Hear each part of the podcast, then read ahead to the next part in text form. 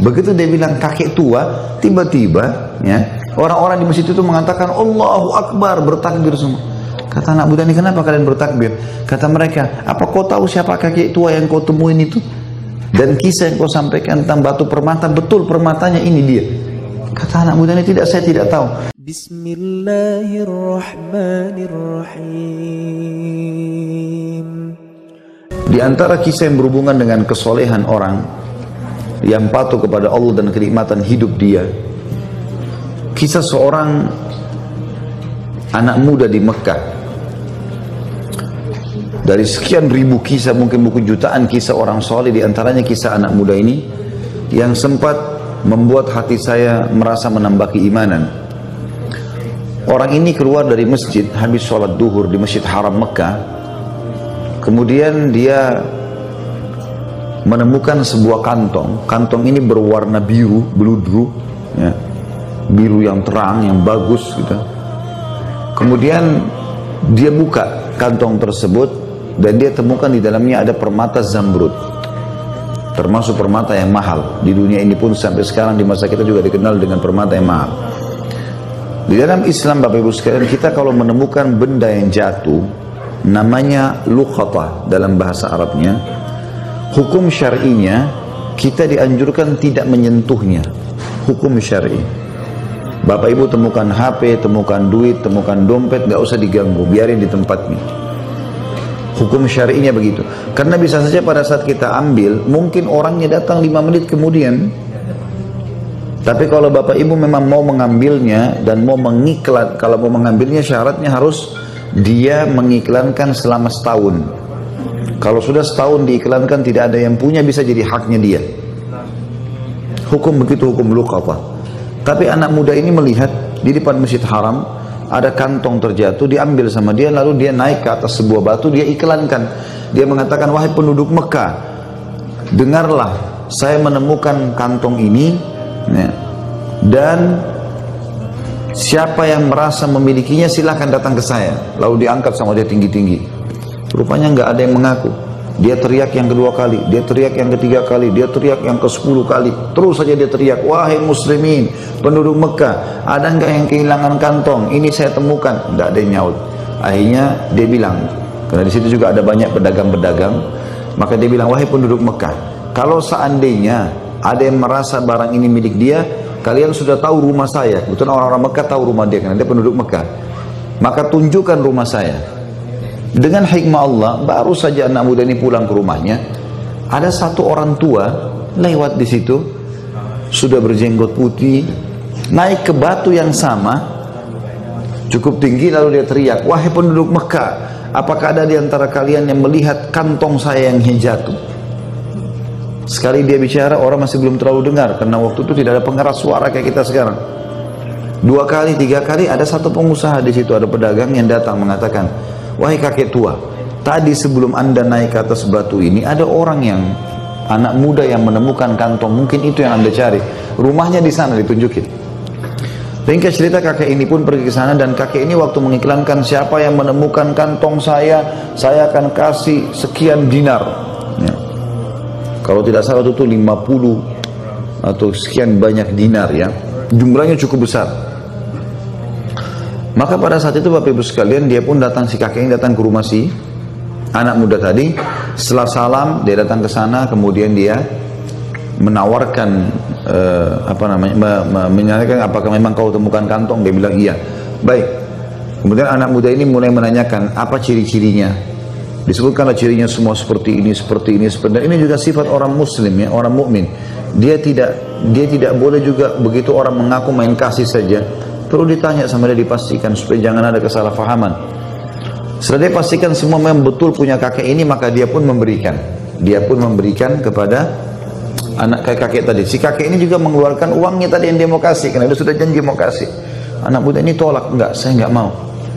Saya tidak pernah mengembalikan dengan niat dibayar. Lalu orang itu mengatakan, orang tua itu mengatakan, tapi saya sudah niat. Dia bilang enggak bisa. Saya tidak mau. Terus saja si kakek tua ini mendesak anak muda untuk terima balasan. Dia bilang dia tidak mau. Sampai akhirnya si kakek tua ini sudah putus asa dia nggak bisa berikan dia pulang. Ringkas cerita Bapak Ibu sekalian, tiga bulan setelah itu, setelah kejadian ini, Si anak muda ini merasa kehilangan atau kekurang, eh, kekurangan dari sisi pendapatan, maka dia dalam hatinya ter, tersirat dia mau keluar dari Mekah, cari pekerjaan di luar Mekah, karena Mekah waktu itu belum zaman seperti kita sekarang. Dia bilang saya mau cari rezeki, mau cari modal, nanti saya kembali lagi ke Mekah. Dia menuju ke Jeddah, ya, yang sampai memang dari zaman dulu sudah pelabuhan di sana. Dia naik kapal, Kemudian dengan niat mau pergi ke satu negeri di Afrika sana cari cari kerja. Di tengah lautan subhanallah kapalnya dihantam oleh ombak, hancurlah kapal itu. Hancurlah kapal itu.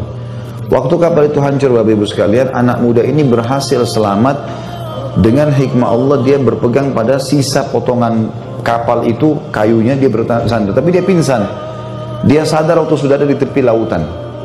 Waktu dia tiba di tepi lautan, dia kaget ini sudah menjelang subuh waktu itu. Malam menjelang subuh. Dia kaget, dia bangun, dia coba lihat pesisir pantai tersebut. Dia lihat bangunan terdekat ada satu masjid. Tapi tua. Masjid ini sudah tua. Penuh dengan lawak-lawak gitu. Hmm. Sudah kayak masjid tidak diurus. Dia lihat ya, sarang laba-laba. Hmm. Baiklah. Yang jelas karena sudah tidak dirawat maka kelihatannya sudah kumuh ya. Dia pun melihat waktu subuh sudah tiba dalam kondisi bajunya basah. Dia baru sadar dari pingsannya, dia bersihin masjid itu semampunya lalu dia azan di masjid itu. Waktu dia azan rupanya masyarakat sekitar situ dengar. Dengar itu kalau ada azan. Maka mereka pada datang. Sholatlah bersama anak muda ini. Azan, sholat sunnah, kemudian iqamah, Disuruhlah anak muda ini jadi imam. Ditunjuk oleh orang situ jadi imam. Dia jadi imam, dia sholat. Begitu salam, lalu kemudian orang-orang yang bilang, anda ini dari mana? Kamu ini dari mana? Dia cerita sama dia. Saya dari Mekah, saya naik kapal, kemudian kapal kami tenggelam, saya tenggelam, saya tiba di sini pinggir pantai, saya ada masjid. Udah nggak dirawat, saya bersihkan, sudah waktu subuh saya azan. Kata mereka kebetulan kami butuh imam. Bisa nggak jadi imam di sini? Sekalian mengurus masjid ini. Nanti kami kasih gaji. Baiklah. Tinggallah anak muda tersebut tiga bulan. Jadi sekarang sudah enam bulan meninggalkan eh, enam bulan dari kasus ketemu sama si kakek tadi. Kakek itu tinggalkan rumahnya tadi di Mekah tiga bulan, kemudian dia baru keluar dari Mekah. Setelah itu tiba di pulau ini tiga bulan lagi dia tinggal jadi imam. Setelah tiga bulan rupanya karena dia dia anak muda yang hafal Quran, dia juga punya ilmu syar'i, ilmu agama yang bisa diajarkan, maka masyarakat sempat suka dengan dia.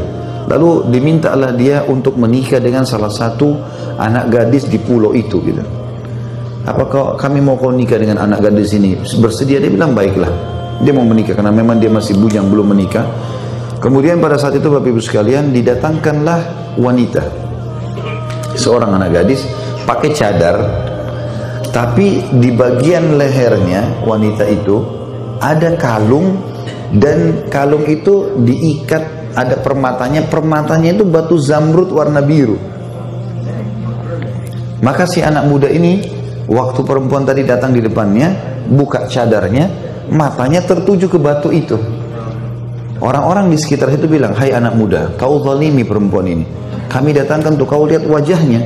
Sunnah Nabi SAW kalau mau menikah, melihat wajah wanita dan telapak tangannya. Tapi kenapa kau lihat perhiasannya? Gitu kan.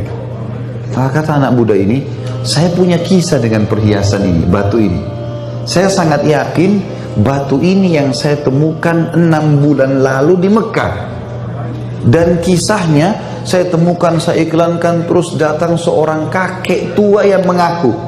Begitu dia bilang kakek tua, tiba-tiba ya orang-orang di masjid itu mengatakan Allahu Akbar bertakbir semua. Kata anak muda ini kenapa kalian bertakbir? Kata mereka, apa kau tahu siapa kakek tua yang kau temuin itu? Dan kisah yang kau sampaikan tentang batu permata, betul permatanya ini dia. Kata anak muda ini tidak, saya tidak tahu.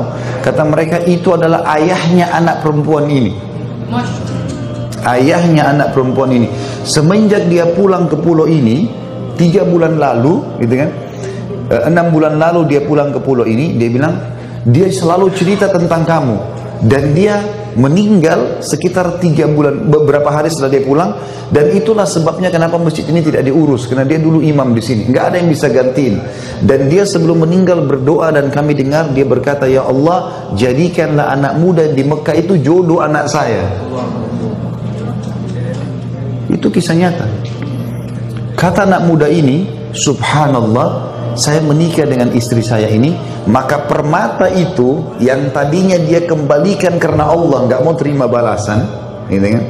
Dia bilang saya kembalikan sekarang menjadi milik saya sama istri saya.